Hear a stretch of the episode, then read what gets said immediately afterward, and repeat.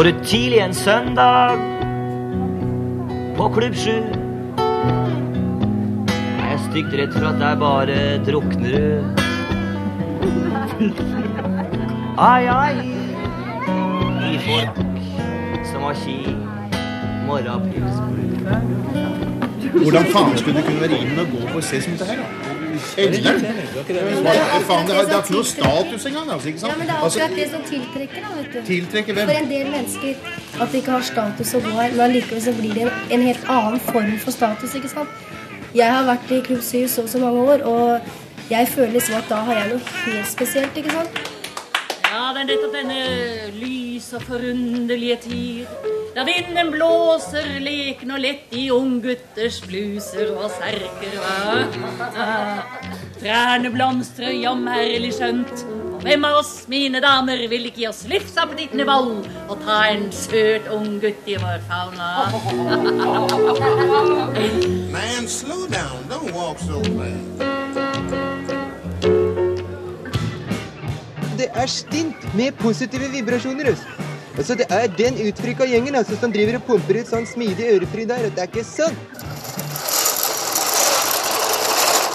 Klubb 7, der dressfolk møtte frikere, der kvinnene røykte pipe, stedet der du kunne være deg sjøl. Det var sånn det skulle bli. Men det var ikke sånn det startet. Vi går til Norge 1963. Husmødrenes glansperiode. Ja, Alt som ikke var lov, var forbudt.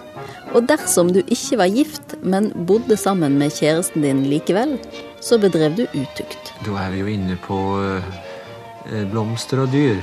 Ja, nei, det tror jeg ikke man skal gjøre, fordi da tåkelegger man det på en måte, tror jeg. Det var slipstvang og skjørteplikt på alle utesteder. Hei, president. Jeg tror det er å skyte minst like langt over målet og ville hevde at biskopene ved sitt hyrdebrev har forsøkt å kneble folkemeningen i dette land og angriper ytringsfriheten i Norge. Å danse, det gjorde du ikke alene eller med en av samme kjønn. Skulle det danses, var det pardans. Mann og kvinne. Men en gjeng studenter anført av en ungarsk flyktning, Attila Horvath, hadde visjoner om å bringe verden og det nye utelivet til Oslo og Norge høsten 1963. Attila Horvath døde 1.1 år 2000. Han kom til Norge som ungarsk flyktning fire år før klubbskyss 7s spede begynnelse. Attila hadde bodd i Wien i Østerrike og hadde en gåtefull fortid. Hadde han vært bokser? Hadde han studert på Handelshøyskolen? Vært aktiv i motstandskampen mot kommunistene i Ungarn? Uansett, han ble klubbens frontfigur og far, og hadde en enorm inkluderingsevne. Og hva slags folk kommer hit? Ja, det blir spurt mange ganger om. Og jeg tror da det er fra arbeiderungdom og intellektuelle kunstnere og bohemer alle slags. Drømmen var en klubb der du kunne være deg sjøl i akkurat det antrekket du ville. Å ha en lukket medlemsklubb ville dessuten gjøre det lettere å få skjenkebevilgning for øl og vin. Men da var det liksom jazz and poetry. Det var liksom det moderne den gangen. Det var det hotteste av alt hot. Oddmund Berg var aktiv i studentteateret på universitetet sammen med Attila Horvath. Han var med på stiftelsesmøtet til klubben. Ja, da når vi satt på Aulakjelleren og skulle finne et navn, og noen foreslo klubb Intim og litt forskjellige sånne forslag, og så sier Kate Ness nei, herregud, og så banalt, så hun kalle det hele Klubb 7. Ja, fordi at de ville kalle det Klubb 6. Ja, noen ville kalle det Klubb 6, ja. så ble det Klubb 7, da, så hun fant på det navnet der. Noe banker på min dør. Noe puster forsiktig der ute. Tiden vokser og fyller mine sanser med en svimlende visshet. Så vi begynte som en sånn jazz and poetry-klubb nede på Kafé René på Lilletorget. Husker Boris, som var da modell på Akademiet. Han kom der, for flaggende med langt hår. Det er noen bedre gutter her, da. Og som jeg danset. Å, om jeg danset. Å, gud, som jeg danset, altså. Å, du verden, altså. Sprella med beina og lå på gulvet og hoppa og Nei, gud, det, det var så festlig, altså. Attila sin drøm var egentlig å bli skuespiller. Men han kom ikke inn på teaterskolen pga. den sterke aksenten. Men han hadde òg denne andre drømmen om dette egne stedet å være. Og etter en måneds tid fikk Klubb 7 nye lokaler på Skillebekk i Oslo. Og da våren kom, kom det strømmende folk til stedet. Bjørn Gundersen var en av de. Jeg starta jo der ute på Cavaletto med å tilby tjenester, for jeg var typograf. Og så hadde de ikke medlemskort og ikke reklame. Så jeg starta jo opp med å lage de første medlemskortene til Klubb 7, da. Det var bare sånt enkelt sjutall, da, og så, og så klistre bilde Eller ta bilde på baksida av kortet. Fordi at man, det måtte være en medlemsklubb. Det var liksom ikke bare å komme. Jazz is my religion. The jazz clubs of my houses of worship. Sometimes uh, the concert hall. Det var fire rom, og så var det sånne bueganger. Og det var et uh, litt større rom med en bar og en lang sånn langbord i eik. Det var jo bra til det som Klubb 7 skulle gjøre der, da. Det var jo ett rom for viser og ett for dikt og et for jazz, holdt jeg på å si. Og der solgte de kilflasker med pils og, og bayer, tror jeg. Og så var det hele rødvin da, og hvitvin. Jazz is here to stay. Jazz is my religion, baby. Vesla Bergem, en av kvinnene som skulle bli sentral i organiseringen av Klubb 7, kom òg til Oslo i 1964. Direkte fra Stryn, og ble lokket med til klubben av en litt eldre sambygding. Jeg var 17 år. og eh, kom på Klubb 7. Vi var Cavaletto på Skillebekk, nede i en kjeller. Jeg var frelst, det. Det sa Bang. Ja. Det sa Bang. Du vet at For å få løyve til å selge pils, så måtte en ha mat. Og da var det at eh, en, en, av de geniale fant på det at ja, men altså, de kan få ei pølse i lompe ved inngangsbilletten. Da har de fått maten, og da kan de kjøpe langpils. Jeg sto og delte ut pølse, og seinere ble jeg forfremma til langpilsen. Vet du, Jeg var oppdratt veldig konservativt. Jeg hadde knapt nok sett en neger. Jeg fikk et helt annet syn på, på folk og på livet, og, og Jeg ble snilde i sjela på en måte.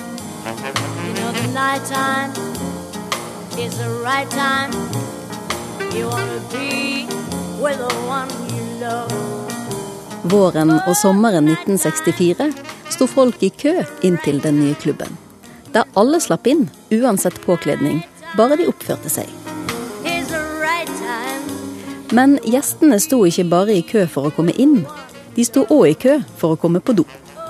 Klubben som på fredags- og lørdagskveldene kunne romme inntil 200 mennesker, hadde bare ett toalett. Så kom høsten, og besøkstallene sank. Stifterne jobbet på dugnad i klubben, og ingen fikk lønn. Kun noen flasker gratis pils i baren. Og økonomistyringen var det så som så med, forteller Mats Sandmann. Fra børjan av så hadde man jo en sånn kultur hvor, hvor, man fikk inn noen penger, og så delte man ut noen penger. ikke sant? Man, det, var, det, var, liksom det man hadde. Man starta med den lille, eh, den lille eska eller plastposen. En typisk sånn foreningsøkonomi fra hånd til munn. Vinteren ble lang og kald, med dårlige besøkstall. Ledelsen i Klubb 7 lengtet etter våren. Men da våren kom, kom den sammen med Helserådet, som stengte Cavaletto for videre klubbdrift. Vannet rant nedover veggene, og naboene klagde på at det stinket urin etter gjestene som hadde gitt opp å stå i kø til det ene toalettet. Attila Horvath og de andre måtte ut på leiting etter nye lokaler igjen. Redningen kom med en konkursrevystjerne, Leif Juster, som trengte leietagere til Edderkoppen teater, som Juster eide på St. Olavs plass i Oslo. Kikk fra deg mens du er liten.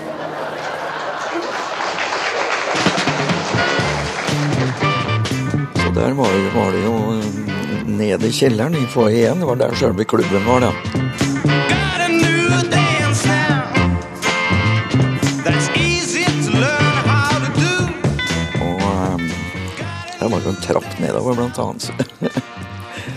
Så der ble man ikke kasta ut, man ble, man ble kasta opp hvis man ikke oppførte seg pent.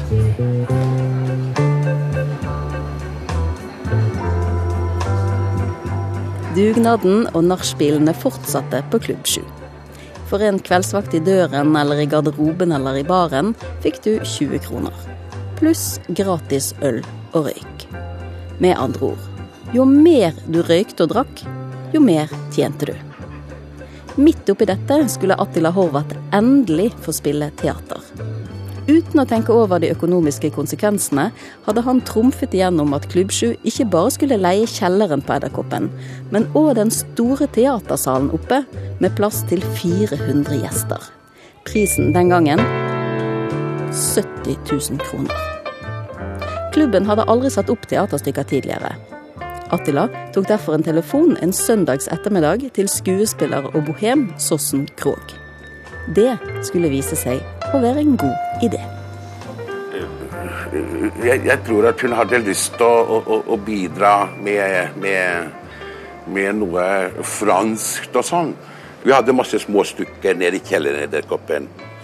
For det er mange skuespillere meldt seg og være med. Og betalingen deres var jo ofte bare en flaske rødvin, da. Men så, så var det så ildsjel at alle ville liksom spille for henne, da. Men etter et år var det slutt på Edderkoppen. Leif Juster hadde fått inn penger til å drive revyteater igjen, og Klubb 7 med sine 80 000 kroner i gjeld var nok en gang på flyttefot. Men det hendte òg andre ting i 1966. Norge deltok i Melodi Grand Prix med en låt i fem fjerdedels takt.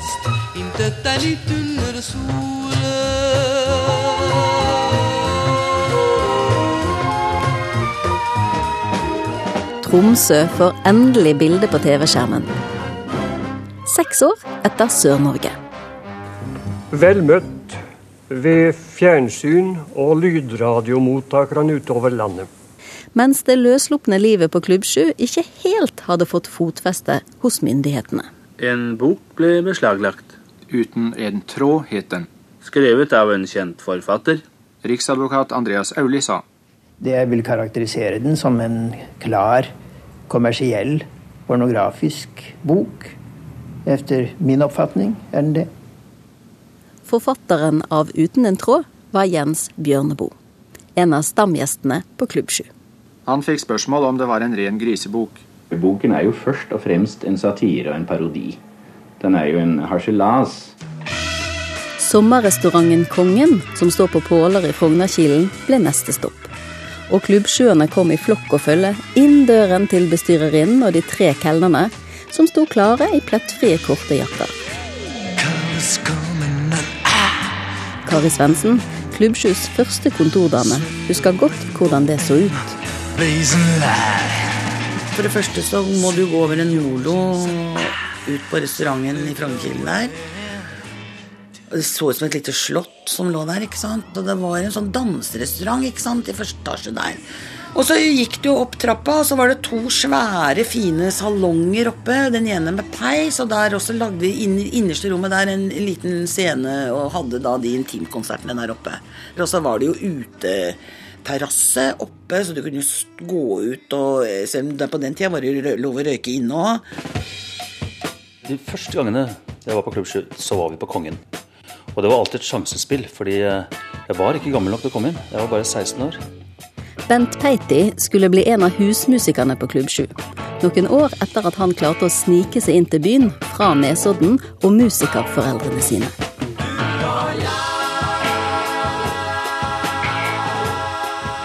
Det var jo sånn at vi sto og skalv foran der, og vi prøvde etter beste ende å snakke med så dyp stemme som mulig og, og prøve å se litt morske ut. Men det var alltid de beit på det, da, vet du. så da måtte vi snu og dra hjem igjen. Eller dra et eller annet på en sånn ungdomsklubb hvor de solgte Solo og pølser. ikke sant? Men det var jo ikke på langt nær så hipt. ikke sant? Det var ikke dit du ville gå. Labbe langs Blunkebekka, labbe labbe snøkk. Labbe langs Blunkebekka, vad gilta jøkt. Labbe langs Blunkebekka, labbe god og blid. Labbe langs Blunkebekka, veslejenta mi. Og da var Lillebjørn og jeg kjærester, og da var vi 17 år når vi prøvde å komme inn der. Så Attila Horvath, som jo var grunnleggeren og primus motor, og Tibbi, hans kamerat som sto i døra, de sa det at ja, det er greit, dere kan komme inn, men da må dere love å drikke Solo. Og det gjorde vi. Kari Svendsen fikk starte visescene i andre etasje på Kongen. Det gikk ikke smertefritt for seg. Og jeg husker Kristiania Fussel og Blågress-beltet der. Øystein Sunde og vi da, vet du, da ble vi pipe ut av, av disse her eh, blues- og jazz- og rockfolka. Vi syntes de skulle faen ikke ha noe sånn cowboymusikk på Klubbsjø. Og da husker jeg at det eh, tok dem skikkelig og sa at det blir utvisning hvis dere ikke behandler disse ungdommene bra.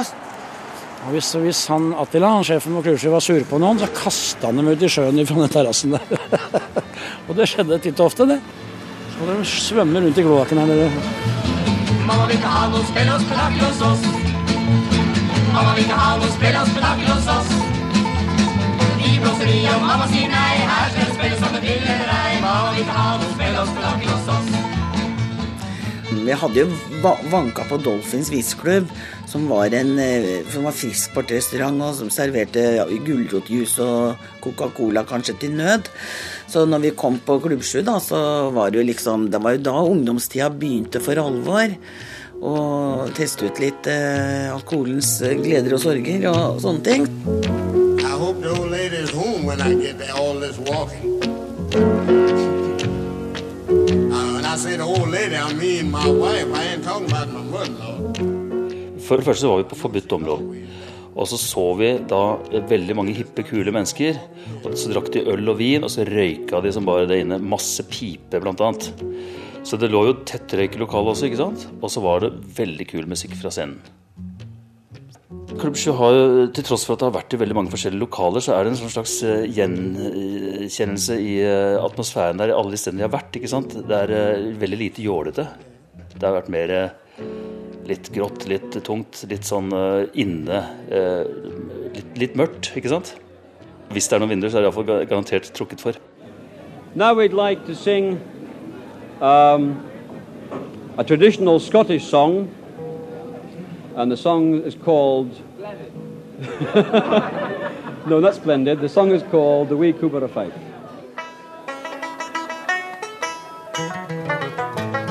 There was a wee Cooper far lived in Fife. Nicotine, nicotine, new, new, new. And he had gotten a gentle wife. Hey, willy, wallacky, ho, John Dougal, a lame, quo, rushity, roo, roo, roo. Men Attila Horvath og Klubb 7 ville mer. Ville bli større. Foreløpig var det bare gjelden som vokste, og ingen hadde oversikt over hvor mye penger som kom inn. Men det var mye som rant ut. Så kom de over en annonse i 1970 hvor det sto at første byggetrinn av Konserthuset, den såkalte D-blokken i Munkedamsveien, kom til å være klar til bruk året etter. Det var snakk om tre etasjer som kunne fylles med alt mulig av kultur. Klubb 7 søkte kommunen om å få låne 1,1 millioner kroner til oppussing, og beregnet sine egne inntekter til 2,2 millioner i året. Og etter ett år på vandring var det klart for innflytting i 1971. Den såkalte gullalderen kunne begynne. Fra Norges eldste teater i Bergen til en av de nyeste i Oslo. Scene 7 er en eksperimentscene som driver sin virksomhet innenfor rammen av Klubb 7. I nye lokaler under jorden i Vika. Sossen og Guy Krogh har sammen med Bernt Erik Larsen vært drivkreftene bak denne teatervirksomheten.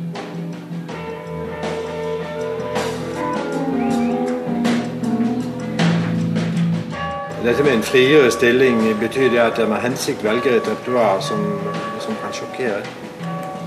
Mm.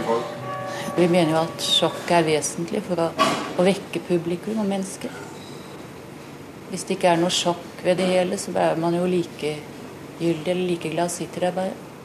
Du fikk beskjed om at du skulle legge de bøkene du skulle bytte, ut på gangen. Det har du ikke gjort. Faen, ikke fått noe beskjed du snakker om. Nå gir du deg. Din fitte, jeg skal ha nye bøker, for faen! God's got a sweet little yeah. Stamgjestene fulgte med Klubb 7 til Vika. Anka Ness var der enda mer enn de fleste stamgjester, og fikk dermed jobb både i baren og på teatret. Hun skulle bli berømt og beryktet for sine sjefsegenskaper, når det nærmet seg stengetid. Det hendte jo at noen sovnet etter hvert, ikke sant. Så. Og da var det du ikke fikk liv i dem, så hentet jeg en klut med klor og tok under nesa på dem, eller litt salmiakk. Ja. Og plutselig så var de våkne, og da forsvant de ut. det var jo noen som hadde en tendens til å sovne. Han på slutten. Jeg kunne vært frekk i kjeften, jeg. Det var en kar jeg sa, og da hadde jeg sett den i samme T-skjorta tror jeg tre uker eller noe sånt, og sa jeg til nå drar jeg hjem, og så dusjer og så får jeg på noen andre klær, sa jeg til. Han sov ikke på en stund, men han kom tilbake, så var han like blid. Men etter det så skifta han. Er det noen som er medlemmer av klubben her? Ja, jeg er medlem her. Hva vil et sånt medlemskap si? Ja, det vil si at man er på de, mange av de aktivitetene som er her. da. Ja, hva er det for noe? Jo, Blant annet så er vi da på disse kveldene som arrangeres. I kveld så er det Popelu som er her. Ja. Og det er jo mange andre arrangementer her også. Altså I forhold til et vanlig sted man går da på en kveld, Ja. så er det liksom mer eh, på en måte åpent, hvis vi kan kalle det det. liksom. Folk er mer interessert i snakke sammen.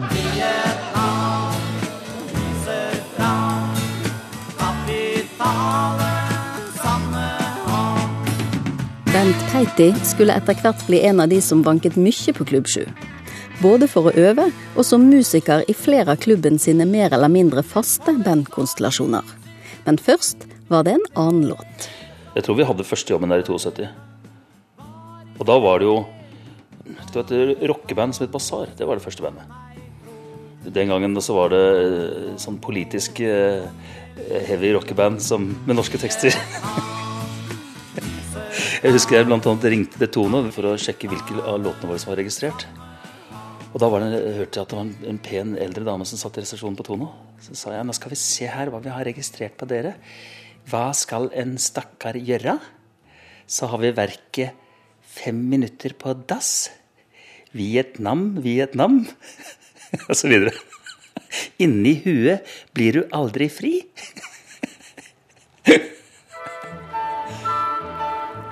Det hendte òg andre ting i 1972. Grete Kausland og Benny Borg vant den norske Melodi Grand Prix-finalen med sangen 'Småting'.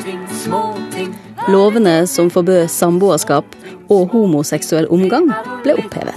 Småting, småting, det er å være glad. Og folkeavstemningen om å bli med i EF endte med nei-flertall. I avslutningen av det spennende valget kom Nord-Norge med stor tyngde inn på nei-siden og avgjorde faktisk valget. Det er en liten sak.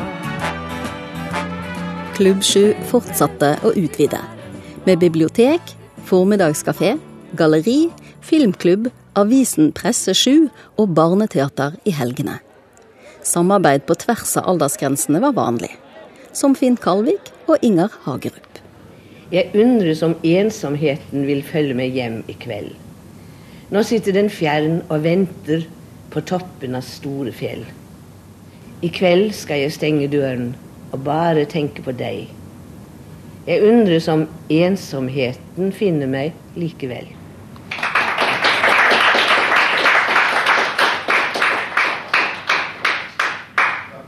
Ja. Fint. Skal jeg synge mer, kanskje? Jeg viser til alle som har det så forferdelig travelt. Den heter Det haster. For noen haster det noe helt forjævlig. Les leksene, barn. Det er stor konkurranse i verden i dag. Du må lese på spreng hvis landet skal bedre sin handelsbalanse. Bjørg Eriksen var 21 år da hun begynte som sekretær etter Kari Svendsen på Klubb 7. Attila Horvath var fortsatt sjef, og inkluderte, og ikke minst oppdro. Når jeg begynte på Klubbsjø, så var ikke jeg overvekt begeistra for eh, den nye jazzen. Og da sa Attila til meg når han hørte det når jeg hadde begynt oppe på kontoret, da. Så sa han at du skal bare ha programvakt på hver eneste jazzkonsert de nærmeste månedene. For det er bare eh, uh, tillæring, Bjørg.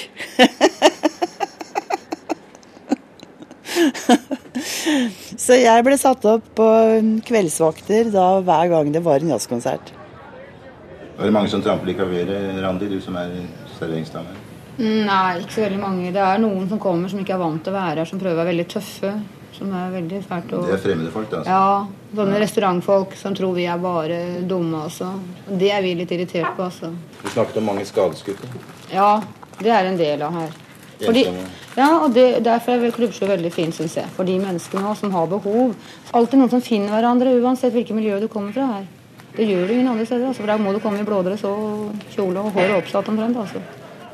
Så er det mye lettere å falle inn her som et såkalt fossil. Altså, du kan snakke til en jente på 18 år, og hun ser på deg ikke sant? og snakker med deg hyggelig. Ikke, sant? ikke blåser av deg. Altså. Det er jævla vesentlig. Altså. Prøv en gang til. Prøv en gang til. Prøv en gang til. Noe av det som har vært mest omtalt opp gjennom årene, er det såkalte klubbsjuspråket. Barsjef Anka Næss har aldri snakket sånn. Det var liksom så kult, det, altså. Ikke sant? Man skulle være liksom sånn Jeg vet ikke, det var kulturelt kanskje på den måten der, altså. Mm. De dro på det, og de var liksom litt sånn sløve i språket, ikke sant. Det ble litt sånn for en øl, altså. Det blir kult, altså. Mora mi er kul, altså. Jeg fikk henne til julesse. Det, det kunne vi si og syntes det var veldig morsomt. og så eh, Hva sa bikkjene på Klubb 7? De sa voffese. Eh, Det er ikke så mange som snakker sånn nå lenger, men det var ganske mange på den tida der. ass. Det var det. Lørdag og søndag formiddag var det barneteater. Store trehjulssykler og grønt kunststoffgressteppe å sitte på for ungene. Mens de voksne kunne sitte i fred lenger bak i salen. Så betalte vi å komme ned på jazzkafeen, og det syntes jeg var litt rart at man kjøpte øl. Man gikk med hele flasker med vin, og, og liksom, og unger sykla rundt. og Det var orkesteret spilte, eller bandet spilte. Og, og jeg tenkte gud, det var altså så flott. Liksom, jeg bare liksom kommet hjem på en måte. Og så øh, var jeg så barneteater. Der kunne du sitte og røyke i teatersalen.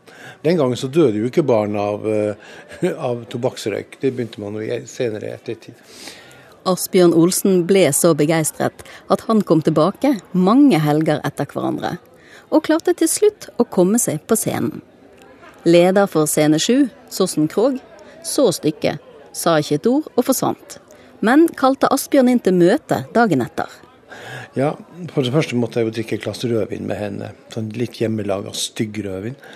Og så, så sa hun jeg så forestillingen i går, den var redselsfull. Men øh, den eneste som holdt det, var deg, og deg ville jeg ha i et barnestykke.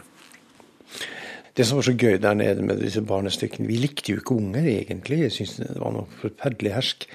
Og der kom, satt foreldrene og, drakk rødvin ute i storsalen, og vi kalte jo dem, disse ungene for rødvinsungene. Når de enslige mødrene og fedrene skulle innordne seg hos hverandre, så sendte de ungene inn fra sitt Barneteatret.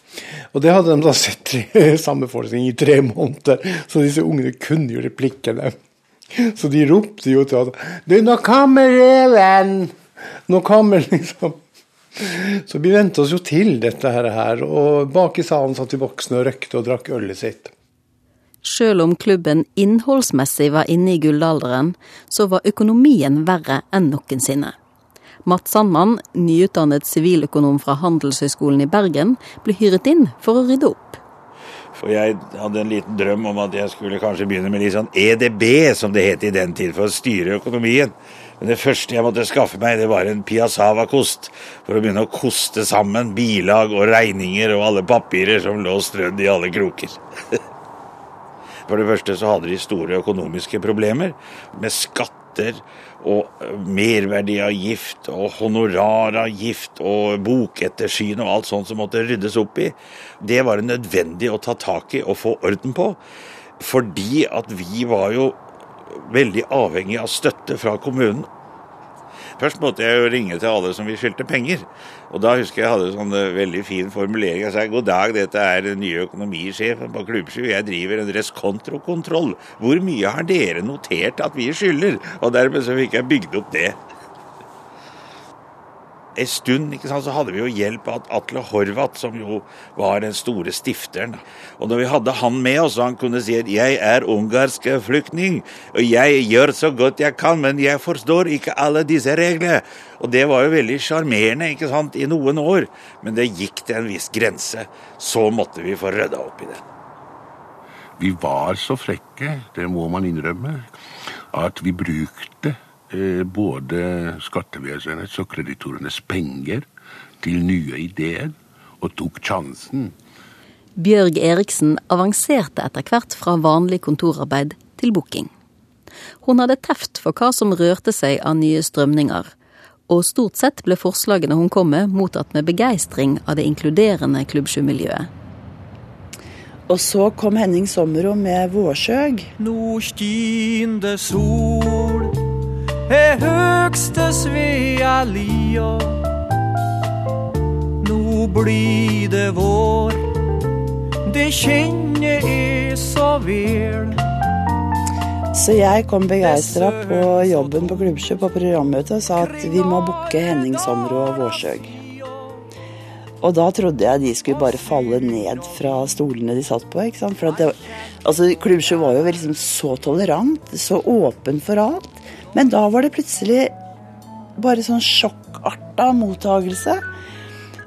For Henning Sommero, altså med nasjonalromantikk Altså, det var ikke måte på hvordan de karakteriserte den musikken. Nei, det var bare Det kunne jeg bare glemme.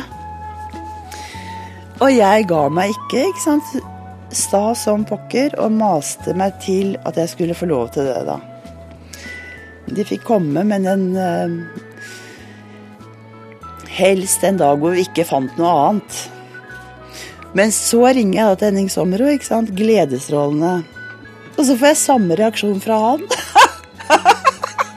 Skulle han spille på Klubbsju? Nei, det måtte han tenke på.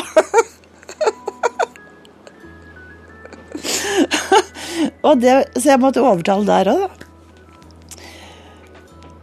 Og når alt var i boks, så tenkte jeg at altså, hva er det jeg har gjort nå? Tenk om ikke det kommer noen? Det endte med tre fulle hus for Vårsøg på Klusjø, og stående applaus og helt kaos. Og du og du, hvor sårt og sælt er stunda når sola skin fra hvite høgda ned. Attila Horvath, som sjøl hadde problemer med alkohol, var opptatt av at folk ikke skulle miste medlemskapet, sjøl om de brøt regelen om å oppføre seg ordentlig på Klubb 7. Og vi er da tålmodige og venter på vedkommende og får sjanse, og ikke bare én sjanse, med flere sjanser. Svime rundt hele dagen, bekymringsløs som et barn.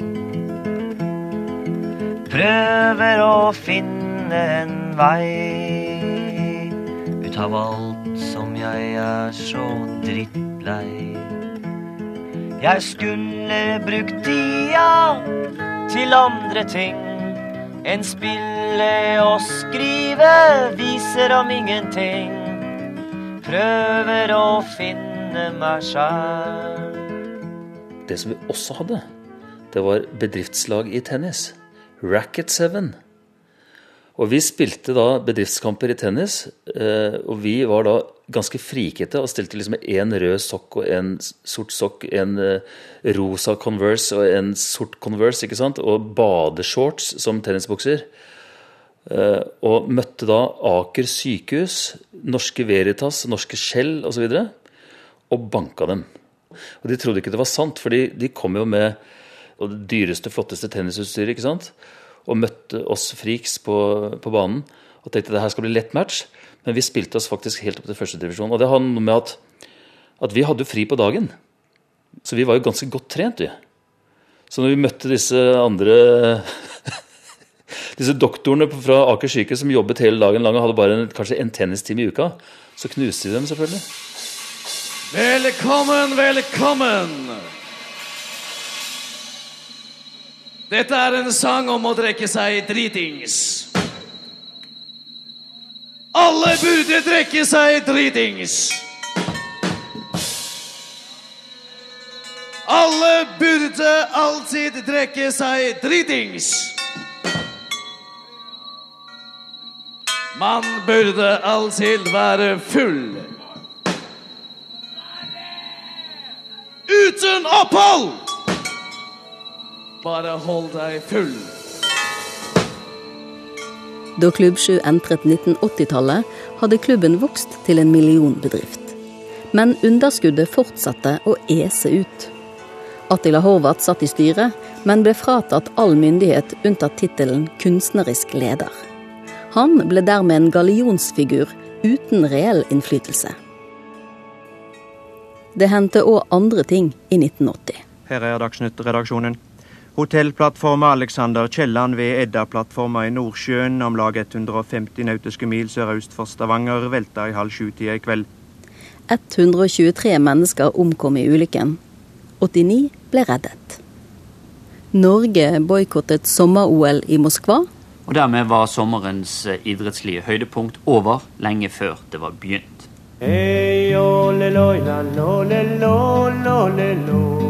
Og låten 'Sami Ednan' vant den norske finalen i Melodi Grand Prix. Flesteparten av de som nå jobbet på Klubb 7, hadde ikke vært med på å starte klubben for nesten 20 år siden. De jobbet ikke gratis i tide og utide. Viggo Nordstedt var en av dørvaktene på Klubb 7, en gruppe som kjempet for bedre lønn og arbeidsvilkår. Altså det begynte å bli en bedrift av det, nesten en industri. Og da begynte vi å komme med noen krav som vi syntes var eh, adekvat i forhold til den jobben vi gjorde. For det var en veldig dårlig økonomisk styring. Vi streika i helgene, hadde vi oppe midt i uka. det var en veldig sleip taktikk.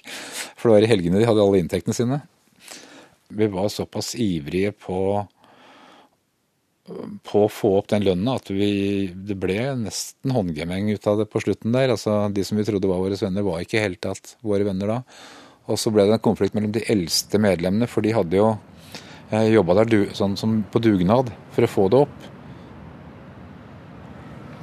Det som jeg opplevde som utidig, det var at de også skulle blande seg opp i repertoaret på Klubbsjø. For de mente at det var altfor lite rock, for å bruke en samlebetegnelse.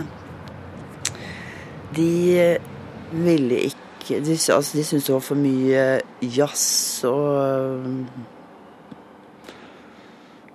Ja. Det var kanskje jazzen de syntes var verst. Og de mente nok, eller noen i den klubben mente nok at hvis de fikk styre den bookinga, så ville det bli eh,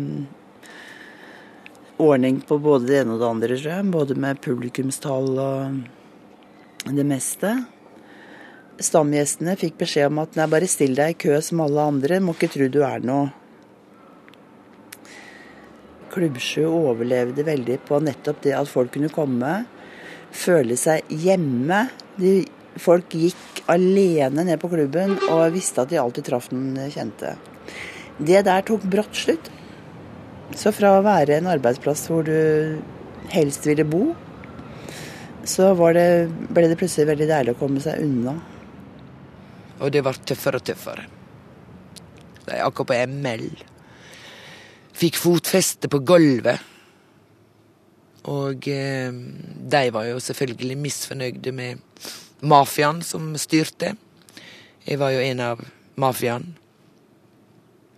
Og når jeg tenker sånn tilbake litt, så var, så var vi vel litt mafia. Vesla Bergem overtok som daglig leder, og forsøkte å få orden på både lønnskamper og oppsigelser, med påfølgende arbeidsrettssaker. Det var en jobb ingen i verden misunte om. Men det verste var forholdet hun fikk til Attila Horvath, som hadde vært Klubbsjus far i alle år. Han ble en av Vesla Bergems underordnede. Attila var jo ikke så veldig glad for at det var ei jente som kom og overtok, da, men eh, det ble tøffere enn jeg hadde trodd. Det tok nesten knekken på meg. Det gikk jo ikke over, dette bråket. Det begynte jo med arbeidsrettssaker, og vi tapte jo gang på gang i arbeidsretten. Så vi gikk ut av klubben og fikk en ny daglig leder. Jeg fikk jobben som nestleder, men med stillingsinstruks til kunstnerisk leder. Det gjorde nesten til at det var nesten umulig å jobbe sammen med Attila. Det, var ei veldig vond tid på slutten. Personlig så tykte jeg vel det at um, styret ikke gjorde jobben sin. Så jeg uh, gikk på dagen i et styremøte. Og jeg uh, hadde store problemer med å snakke om Klubb 7 i mange år. Ifølge klubbvedtektene var Attila Horvath valgt inn i klubbsjustyret på livstid, og opererte derfor fortsatt som klubbens ansikt utad. I 1982 gikk økonomien fra galt til verre. Men det hindret ikke klubben i å ha Klubb 7-uke med musikk, teater og film i hele to uker i strekk. Det måtte det være økonomisk rom for, sa Attila Horvath.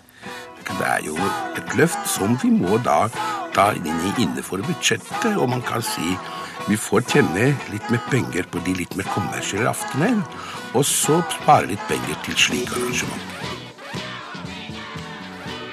Klubben skyldte penger i øst og vest. Og på begynnelsen av 1980-tallet ville ikke publikum lenger ha Klubb 7-pakken, der én billett ga deg adgang til konserter, teater, utstillinger osv. De ville ha enkle konsertopplevelser, og det kunne de få andre steder. Asbjørn Olsen var teknisk sjef og skuespiller, og syntes det var en trist tid.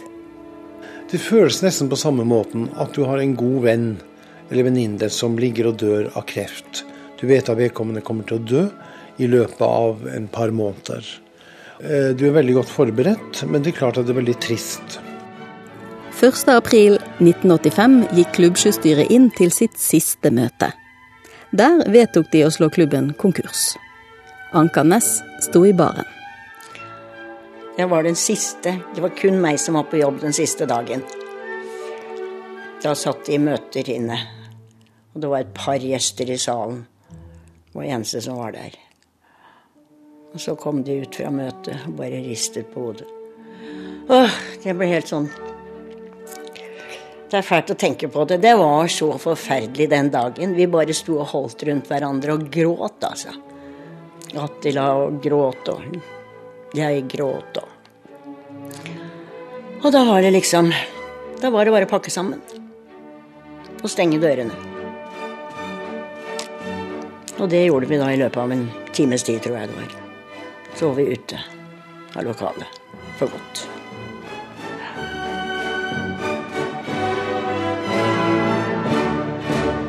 Det var ugjenkallelig slutt. Midt i jappetiden. Ingen skulle lenger få høre Anders Schønen Blauen Donau, som Diskobjørn pleide å sette på som siste låt for kvelden på Klubb 7. En æra var over.